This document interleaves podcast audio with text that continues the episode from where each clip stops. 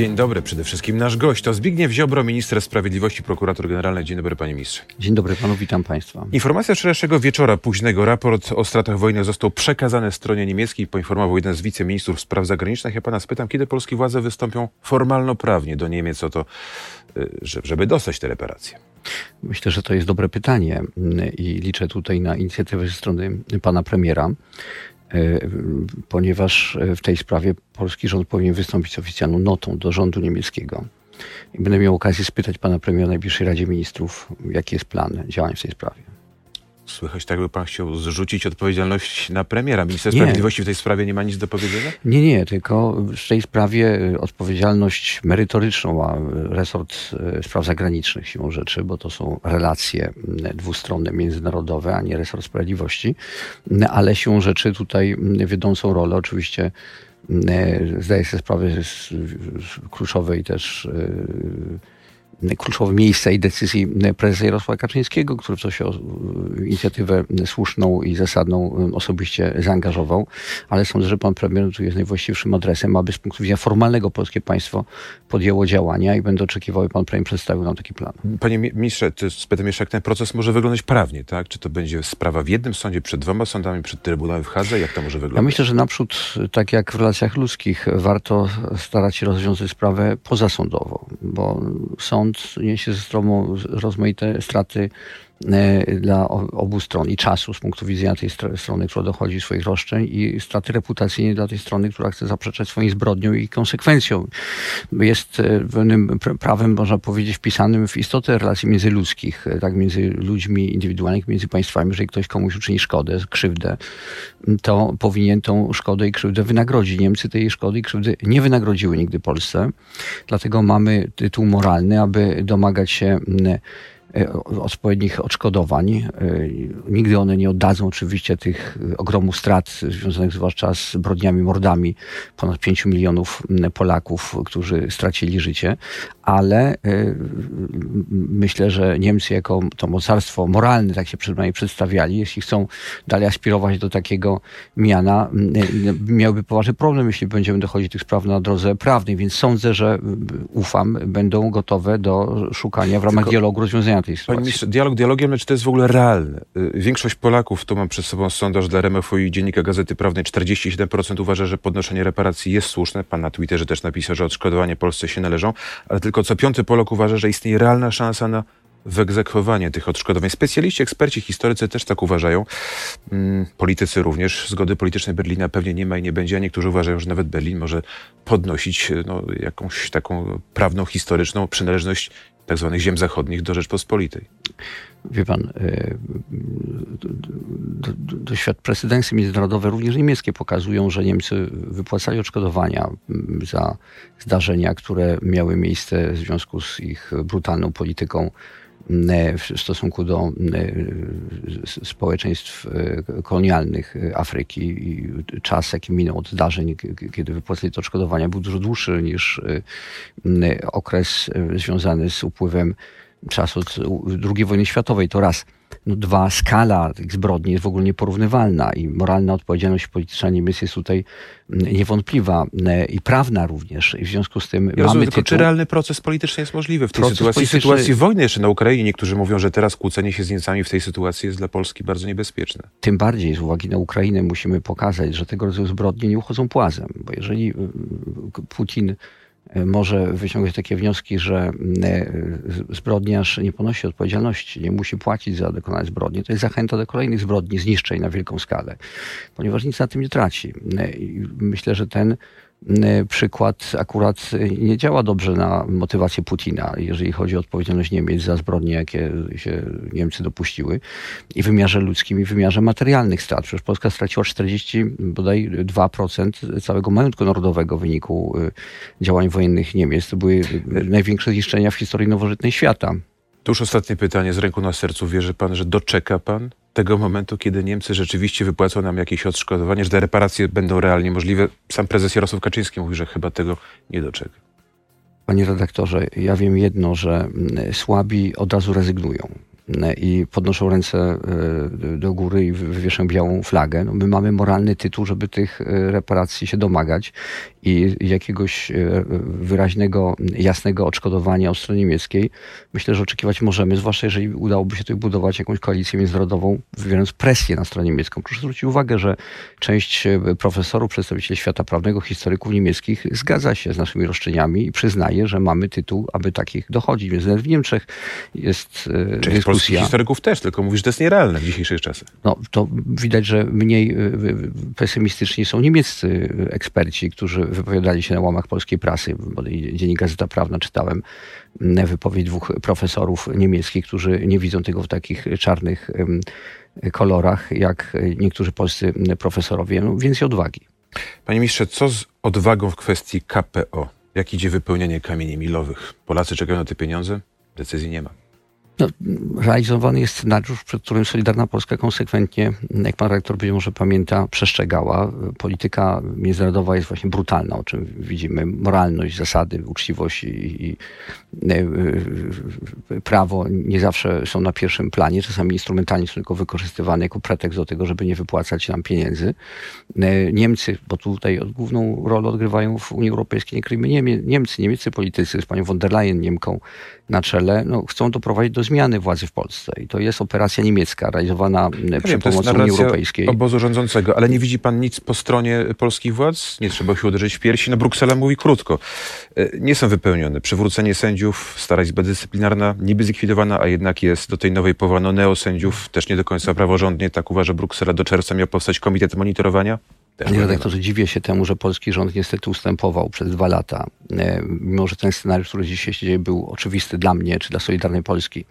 I przestrzegaliśmy przed nim. Polityka niestety jest e, brutalna i za tym gołosłownymi, pięknymi hasłami o praworządności kryły się brutalne cele polityczne, głównie Berlina w stosunku do Polski, który chce tutaj zmienić władzę na taką, która będzie spolegliwa z Berlina, która nie będzie domagać się reparacji od Niemiec, która będzie się zgadzać na hegemonię Niemiec w Europie, która będzie się zgadzać na to, aby Niemcy budowały, bo mają to oficjalnie w swoim planie przez rząd niemiecki, nowe państwo europejskie, w którym nie będzie miejsca dla suwerennego państwa polskiego. No nigdy przecież rząd Zjednoczonej Prawicy na to się nie zgodzi, ale Donald Tusk jest ich e, przedstawicielem. Donald Tusk już wywiesił białą flagę wbrew swoim głosowaniu, bo nie wiem, czy pan redaktor wie o tym, że w 2004 roku Donald Tusk popierał reparacje od tak. Niemiec, a dzisiaj Kilka już osób to przypomniało, dzisiaj... są filmy w internecie, można głosował zobaczyć. nawet Cały za... Sejm popierał wtedy. I głosował nawet za, a dzisiaj mówi, że już, że, że to w ogóle jest jakaś pomyłka. Donald Tusk no, został hojnie wynagrodzony przez panią Merkel, zarobił mnóstwo pieniędzy, e, pełniąc różne to nie Donald Tusk dzisiaj rządzi i nie z Donaldem ale Donald Tuskiem Tusk, ale Tuska gra się toczy. Niemcy toczą grę o to, aby Donald Tusk wrócił do rządu w Polsce,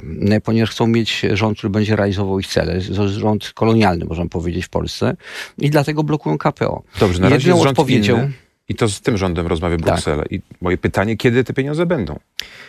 Będą wtedy, kiedy będziemy prowadzić asertywną, twardą politykę, która uderzy w ich interesy. No dobrze, to co teraz zrobić? Się parę osób opłacać. przed wakacjami mówiło, nie, w czasie wakacji, o takiej opcji atomowej, żeby, nie wiem, przestać płacić składki do unijnego budżetu. Jest to rzeczywiście realne? Jest taki scenariusz na stole? Panie redaktorze, przede wszystkim mamy y, sytuację potężnego konfliktu zbrojnego z naszą wschodnią granicą. Jest wojna ekonomiczna, której nawet Niemcy teraz już przyznają, że taka się toczy i Unia Europejska. Y, wojna, jaką Putin prowadzi w obszarze y, energetyki, w obszarze Y, gazów, ropy y, z Unią Europejską i z wolnym światem. I w tych warunkach Polska powinna w pierwszej kolejności y, wypowiedzieć czy zawiesić politykę energetyczną unijną, która pomaga Putinowi, umożliwiła Putinowi realizację Ostatnie pytanie w części radiowej. Co dalej? Bo mamy rok do wyborów. Jeśli tych pieniędzy nie dostaniecie, no to siłą rzeczy myślę, że w wyborach tych raczej przegracie, które przed nami ja bym nie był takim pesymistą, ponieważ Polacy widzą, że mm, są e, te pieniądze wykorzystywane mm, po to właśnie, aby mm, wpłynąć na wynik wyborów i że to jest gra cyniczna, instrumentalna ze strony Unii Europejskiej, a Polacy nie gęsi swój rozum mają. E, natomiast e, na pewno Unia Europejska, bo to też Berlin, Niemcy odpowiadają za politykę klimatyczno-energetyczną, która doprowadziła do tego, że w Polsce ceny energii gwałtownie rosną. To się przekłada na wzrost cen inflacji. My musimy zrezygnować z podatku E, to o tym, podatku, jeśli pan pozwoli państwo, również przejdziemy do internetowej części RMF24.pl energetycznego Unii Europejskiej i interia.pl. Dziękuję bardzo panie ministrze. Zbigniew Ziobro jest naszym gościem, przypomnę, i za moment więcej w internecie. Panie ministrze, no to wrócę do tych pieniędzy. Jest szansa, że one rzeczywiście się pojawią w najbliższym czasie, w najbliższych miesiącach. Jakie prace tutaj rząd może zrobić, żeby jakoś z Brukselą dojść do porozumienia? Panie redaktorze, od początku mówiłem, kiedy trwała ta dyskusja, że tych pieniędzy nie będzie. Tak też mówiła Solidarna Polska i dlatego wzywaliśmy w 2020 roku pana premiera mm, e, Morawieckiego, ale wcześniej, nawet w lipcu 2020 roku, by nie zgadzał się na wprowadzenie rozwiązań, które proponuje prezydencja niemiecka, bo to był podstęp Niemców, dobrze przez nich przemyślany, w postaci właśnie y, tak zwanego rozporządzenia warunkowości KPO, które wprowadzało możliwość arbitralnych decyzji Unii Europejskiej czyli dawało Komisji Europejskiej, tak naprawdę Berlinowi, biorąc pod uwagę ich realną pozycję w Unii Europejskiej, możliwość szantażu w stosunku do Polski i właśnie wywierania wpływu na sytuację związaną z procesami demokratycznymi, z wyborami. I tak się niestety dzieje. Czyli wszystko to przed tym przestrzegaliśmy i się urzeczywistnia. Niestety dzieje się to przy wsparciu opozycji Platformy Obywatelskiej, czyli tej, można powiedzieć, piątej kolumny, która działa w tym momencie w interesie, tak samo wzajemnym interesie. Niemcy mają w tym interes, żeby ich osadzić tutaj na funkcji rządowej, a oni opatrują interes w kolaboracji z, z, z Niemcami i z, w tym sensie z Unią Europejską, ale tu Berlin odgrywa wiodącą rolę, kryjąc się za Brukselą, by właśnie dokonać scenariusz, o którym pan mówił, czyli wywrócić demokratycznie wyłoniony rząd w Polsce. Realnie co dalej w takim razie? Ja wrócę do tego pytania o to, o jakieś takie no, ze strony Polski jakiś jakieś sugestie typu właśnie włączenia guzika atomowego i na przykład niepłacenia składek, tak żeby Unia, nie wiem, zmieniła stanowisko w tej sprawie. Mało Jest tego, Polska nie tylko, że nie, nie dostaje tych pieniędzy, ja panu powiem więcej, Polska płaci już na KPO. Polska samego podatku od y, plastiku zapłaciła y, Unii Europejskiej ponad 2 miliardy złotych. To jest podatek, który jest płacony z tego powodu, wyższa y, składka y, na, rzecz Unii, z której Unia czerpie pieniądze na środki, które przekazuje poszczególnym państwom w ramach tego funduszu finansowego. Czyli my dofinansujemy coś, e, z czego nie mamy żadnych korzyści, mimo że żrujemy kredyt e, który został zaciągnięty przecież między innymi na nasz e, rachunek. Myślę, że to jest dobre pytanie i będę go stawiał panu premierowi, ponieważ pan premier Mateusz Morawiecki, wbrew zastrzeżeniom Solidarnej Polski, forsował rozwiązania związane z tymi decyzjami i dzisiaj oczekiwałbym, żeby przedstawił mapę drogą wyjścia z tego klinczu, w którym znaleźliśmy się. Panie ministrze, co ze śledztwem w sprawie Odry? Pan zapowiedział to niemal od razu, kiedy ta sytuacja była no, na ostrzu noża. Minęły tygodnie, dni. Coś wiemy? Toczy się bardzo intensywne śledztwo. Jest e, zespół e, prokuratorów i policjantów, który prowadzi intensywne czynności. Zostały pobrane liczne i są pobierane nadal liczne mm, e, dowody e, zbierane i próbki e, fizykochemiczne celem przeprowadzenia badań. Zostali powołani biegli. Mm, więc to jest intensywne śledztwo, które oczywiście kluczową rolę oddaje tutaj ekspertom biegłym i specjalistom. I ich opinie, które spłyną do prokuratury, będą kluczowe dla rozstrzygnięcia kwestii ustaleń y, o przyczynę y, tej katastrofy, która miała Możemy dzisiaj przewidzieć, kiedy poznamy wyniki tego śledztwa? Nie mogę panu w tej chwili odpowiedzieć, ponieważ to jest y, kwestia odpowiedzi biegłych. Trudno ich tu dyscyplinować, biorąc pod uwagę rzetelność tych badań, które są prowadzone. Prokuratorzy są zainteresowani jak najszybszym przeprowadzeniem i zakończeniem tego postępowania, ale tutaj podkreślam, kluczową rolę odgrywają biegli. Panie ministrze, mówił pan o cenach energii. Wczoraj wieczorem Sejm po pierwsze przyjął pomoc dla przedsiębiorców poszkodowanych właśnie podczas tej sytuacji na Odrze, a też e, przyjął no, pewne ułatwienia dla tych wszystkich, którzy opalają innymi e, innym opałem niż, niż tylko węgiel, ale tak myślę sobie, co będzie, jeśli i tego węgla, i tych innych rzeczy typu pelet, typu drewno po prostu na rynku zabraknie, albo będą tak drogie, że Polaków mimo tych ułatwień nie będzie na to stać. Przede wszystkim dlaczego doszło do takiej sytuacji, panie redaktorze, należy zadać pytanie. W Polsce jeszcze kilka lat temu 95% energii elektrycznej, a tak samo i ciepła pozyskiwaliśmy z węgla i to polskiego węgla. Przez ostatnie lata po, poszczegól, przez poszczególnych rządów, przez, z wiodącą rolę tu i rządu pana Donalda Tuska, Polska odchodziła od węgla, realizując strategię Unii Europejskiej, tak naprawdę porozumienia między Berlinem a Moskwą, które zakładało odejście od węgla na rzecz gazu jako e, paliwa pośredniego i stąd e, na polityce klimatyczno-energetycznej największe pieniądze robił przede wszystkim Putin. Widać, jak to wykorzystał. A po drugie, Berlin, stając się głównym ośrodkiem e, sprzedaży gazu, rozprowadzenia gazu w Europie. I dzisiaj Polska jest w dużym stopniu zależna już od gazu. Ale byśmy to jest się na to godzili. Problem. Myśmy się na to godzili. Ten rząd również. Nie, no, nie, wszyscy się godzili, bo jak pan wie, to był też element sporu wewnątrz rządu. Między innymi głosowali nad dokumentem, który został przez Solidarną Polskę zakwestionowany. Myśmy głosowali przeciwko tej strategii, zwracając uwagę na zagrożenia, które mogą nastąpić. One właśnie wystąpiły.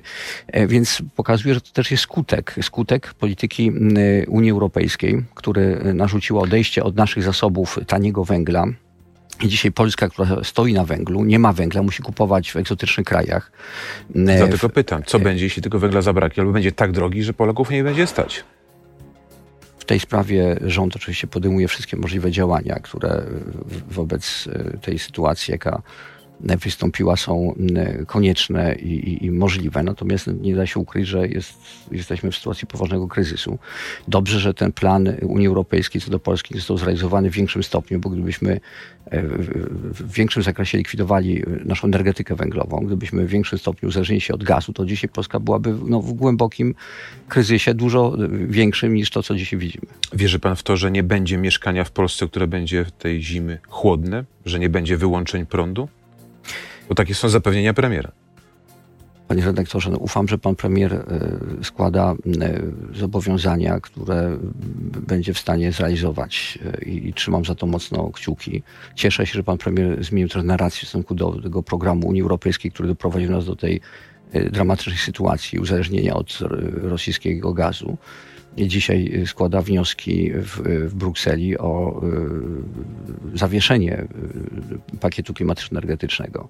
Jest szansa? który płacimy, tego podatku y, energetycznego, które Polacy opłacają, płacą swoje rachunki bo jego likwidacja czy zawieszenie byłaby wielką e, szansą poprawy sytuacji w tych dramatycznych sytuacji polskich przedsiębiorców i polskich rodzin. Cieszę się w tym sensie, że premier e, dzisiaj Mateusz Morawiecki mówi de facto językiem i argumentami Janusza Kowalskiego Solidarnej Polski, który dokładnie to samo wnioskował dwa lata temu i został wtedy zwolniony z funkcji wiceministra a jego diagnoza w 100% się potwierdziła. Panie ministrze, dzisiaj Jarosław Kaczyński wraca do objazdu w kraju. Będą dwie spotkania, dwa, dwie konferencje. Y, to znaczy, że wybory przed nami, mam na myśli, trochę szybsze niż te w kalendarzu, czy nie? Polityka jest e, pełna zakrętów i niespodzianek, dlatego też jest ciekawa, myślę. Uśmiecha budzi adrenalinę. I e, przede wszystkim myślę, że ciekawa też dla e, bezpośrednich komentatorów, dla pana redaktora, e, budzi emocje. Nikt nie odpowie w tej chwili, kiedy będą wybory tak na pewno. Na razie jest duże prawdopodobieństwo, że to będą się w kalendarzowym terminie, ale wszystko jest możliwe. Tak dużo pan mówi o premierze, że wasze drogi troszeczkę albo nawet bardzo się rozchodzą, to znaczy, że wyklucza pan taką możliwość wspólnego startu w najbliższym czasie właśnie w ramach Zjednoczonej Prawicy. Jak to będzie wyglądało? Ja nie mówię o premierze w sensie jeśli mówię o premierze, to dając e, wiarę też jego zobowiązaniom, jakie składa i deklarując pewne wsparcie. Pewne wsparcie dla programu, e, który oznacza pomoc Polakom w tym wielkim kryzysie energetycznym i pełne wsparcie też wobec konfliktu z Unią Europejską, w której znaleźliśmy się. Natomiast nie mogę nie zauważyć tego, że akurat w tych sprawach, w momencie, kiedy E, rzeczy się e, rozstrzygały, Solidarna Polska zajmowała odmienne stanowisko i radziło panu premierowi, by nie zgadzał się na tą pułapkę, w którą Polska wpadła. No, zestawił Berlin rękami Brukseli na, na nasz kraj i nie wypłaca, dzisiaj szantażuje nas, nie wypłaca nam tych środków po to, by zmienić e, władzę w Polsce, wpłynąć na procesy demokratyczne. I my też przestrzegaliśmy, między innymi wspomniany przeze mnie minister Janusz Kowalski, przed zgodą na dalsze zaostrzenie pakietu klimatyczno-energetycznego, który doprowadzi do większego uzależnienia Europy, w tym Polski, od gazu rosyjskiego. I tak się właśnie dzieje i widzimy dzisiaj tego skutki. I te dyskusje trwały od dobrych kilku lat. Były różnice zdań w każdym razie między Solidarną Polską a panem premierem, ale nie zmienia to faktu, że dzisiaj chcemy pana premiera we wszystkich sprawach, które podejmuje, dramatycznej sytuacji, jaka jest dzisiaj w Europie w związku z napaścią Putina na Ukrainę, wspierać, bo polska y, polityka wymaga tu solidarności. My tę solidarność będziemy panu premierowi ukazywać. Ta kampania wyborcza, która przed nami bez wątpienia będzie toczyła się wokół spraw związanych i z energetyką, i z finansami, bo inflacja jest bardzo duża i tym wszystkim, co dzieje się z naszą wschodnią granicą, ale też myślę, że i świata, sprawami światopoglądowymi, bo to już bardzo wyraźnie widać. Zapytam pana o podręcznik do historii teraźniejszości, bo wzbudza bardzo wiele emocji. Są nauczyciele, są też samorządowcy, którzy mówią, że, że będą wykluczali ten podręcznik e, z lekcji e, w szkołach. Jak pan na to patrzy jako minister sprawiedliwości? Taki akt nieposłuszeństwa obywatelskiego? Wie pan, ja zauważam ogromną siłę środowisk takiej rewolucji lewackiej, która formułuje swoje poglądy, odwołuje się do tolerancji, tak naprawdę okazuje nie tylko nietolerancję, co agresję wobec wszystkich tych, którzy mają inny punkt widzenia i inaczej akcentują kwestie wartości, wyrażają inny, odmienny od nich światopogląd. Nie przypadkiem teraz organizujemy w Warszawie dużą międzynarodową organizację E, konferencję e, poświęconą wolności religijnej, bo ona jest coraz bardziej ograniczona w całej Europie. E, Zachodniej właśnie przez te lewackie tendencje do ataku na tych, którzy mają konserwatywny punkt widzenia, odwołują się do wartości chrześcijańskich czy bardziej tradycyjnych. I tak samo znajduje wyraz, to jest przykład właśnie, objaw takiego lewackiego ataku na wybitnego profesora. Profesor Roszkowski jest jednym z najwybitniejszych, który wpisał się w, w historię historyka Polski i atak jest z całą pewnością dyktowany właśnie tymi nienawistnymi, odmawiającymi tolerancji prawa do innych poglądów. Ale nauczyciele mają prawo odmówić. Panie redaktorze, nauczyciele mają, nie, nie chcę wnikać w tej chwili w, zasady kształtowania y, polityki y, prowadzonej przez Ministerstwo edukacji, ale skoro jeśli nauczyciel może wybierać, no to może wybierać, natomiast z całą pewnością wyboru takiego nie mają władze samorządowe, które grożą, szantażują i wpływają na nauczycieli, jaki, jaki podręcznik ma być podstawą y, nauczenia dzieci. Myślę, że to też paradoksalnie skłoni wielu młodych ludzi do przeczytania tego podręcznika, bardziej uważnego niż gdyby to była tylko i wyłącznie obowiązkowa lektura szkolna. Na, na i to może dużo osób dorosłych, dojrzałych kupuje ten podręcznik i czyta w ramach chyba takiego I To jest takiego to też i ta dobra strona tego, tego sporu, który się toczy wokół tego podręcznika. Panie ministrze, półtorej minuty do końca naszego spotkania. Zapytam jeszcze pana, co z ciągnikiem wiceministra Roberta Kaczmarczyka i co z samym wiceministrem. Wie pan, On przykład takiej afery Polski. ogórkowej, która została wykreowana wobec y, braku pomysłu y, na y, cokolwiek pod koniec, tuż przed wybuchem sezonu politycznego. Ten ciągnik, to jest ciągnik, który brat pana ministra kupił za kredyt bodaj milion trzysta tysięcy złotych, tak? Milion pięćset tysięcy kosztuje ciągnik, milion trzysta no tak, tysięcy kredyt. To było sporo niejasności. To taka, Był taka film. jakaś, jakaś, tak jakaś straszna zawiść, to No, kupuje, wielu ludzi kupuje za podobne kwoty, wie pan, znam takich ludzi, nawet nie jedną osobę, która kupuje jakieś mieszkania, apartamenty, y, y, y, czy obserwuje polityków Platformy, którzy ich zaplecze kupują jeszcze różne inne luksusowe samochody, a ludzie kupili ciągnik, który służy ja do tak pracy tak na roli. Żona Cezara nie, do tego, jest, powinna być czysta, no tak dobrze, no ale jeżeli kredyt jest zaciągnięty na milion trzysta i ci ludzie ciężką pracą od rana do, od świtu do nocy, w poniedziałek i w niedzielę muszą ten kredyt z, z odsetkami spłacać do cholery. No gdzie tutaj jest jakieś przestępstwo? Przecież to jest ciężka praca tych rolników. Oni ciężko pracują w tej gospodarstwie, y, muszą ten kredyt spłacić, więc tutaj ja nie widzę y, żadnego y, przestępstwa. Było z pewnym owszem rozmachem zorganizowane wesele, mnie to też zaskoczyło ale to była efekt pewnej e, wielkiej radości tej rodziny i tradycji. To jest rodzina wieloletnia, e, wielo, wielopokoleniowa, znana w tej okolicy. Zawsze te wesela były tam bardzo huczne. Ludzie szanują tą rodzinę. Ja to rozumiem. jest wyraz stosunek nie tylko do tego człowieka, młodego wiceministra, ale też i jego ojca, jego dziadka. Wszyscy byli tam od lat znani, są otwarci na problemy wspólnoty e, swojego środowiska, pomagają, więc dlatego są więzy między tymi ludźmi. Więc atakowanie z tego powodu, że jest huczne wesele, że dużo osób przyszło na to wesele, to jest wyraz też jakby szacunku do tego człowieka. A to, że rodzina płaci prywatnymi pieniędzmi za te wesele, no to ktoś inny pewnie wydałby na dobre wakacje, a oni zdecydowali się y, w imię pewnej tradycji y, zaciągnąć być może dodatkowe kredyty i zrobić y, duże wesele. Zbigniew Ziobro, minister sprawiedliwości, prokurator generalny był naszym gościem. Dzień dobry panie ministrze. Dziękujemy Dziękuję państwu. bardzo. Do zobaczenia.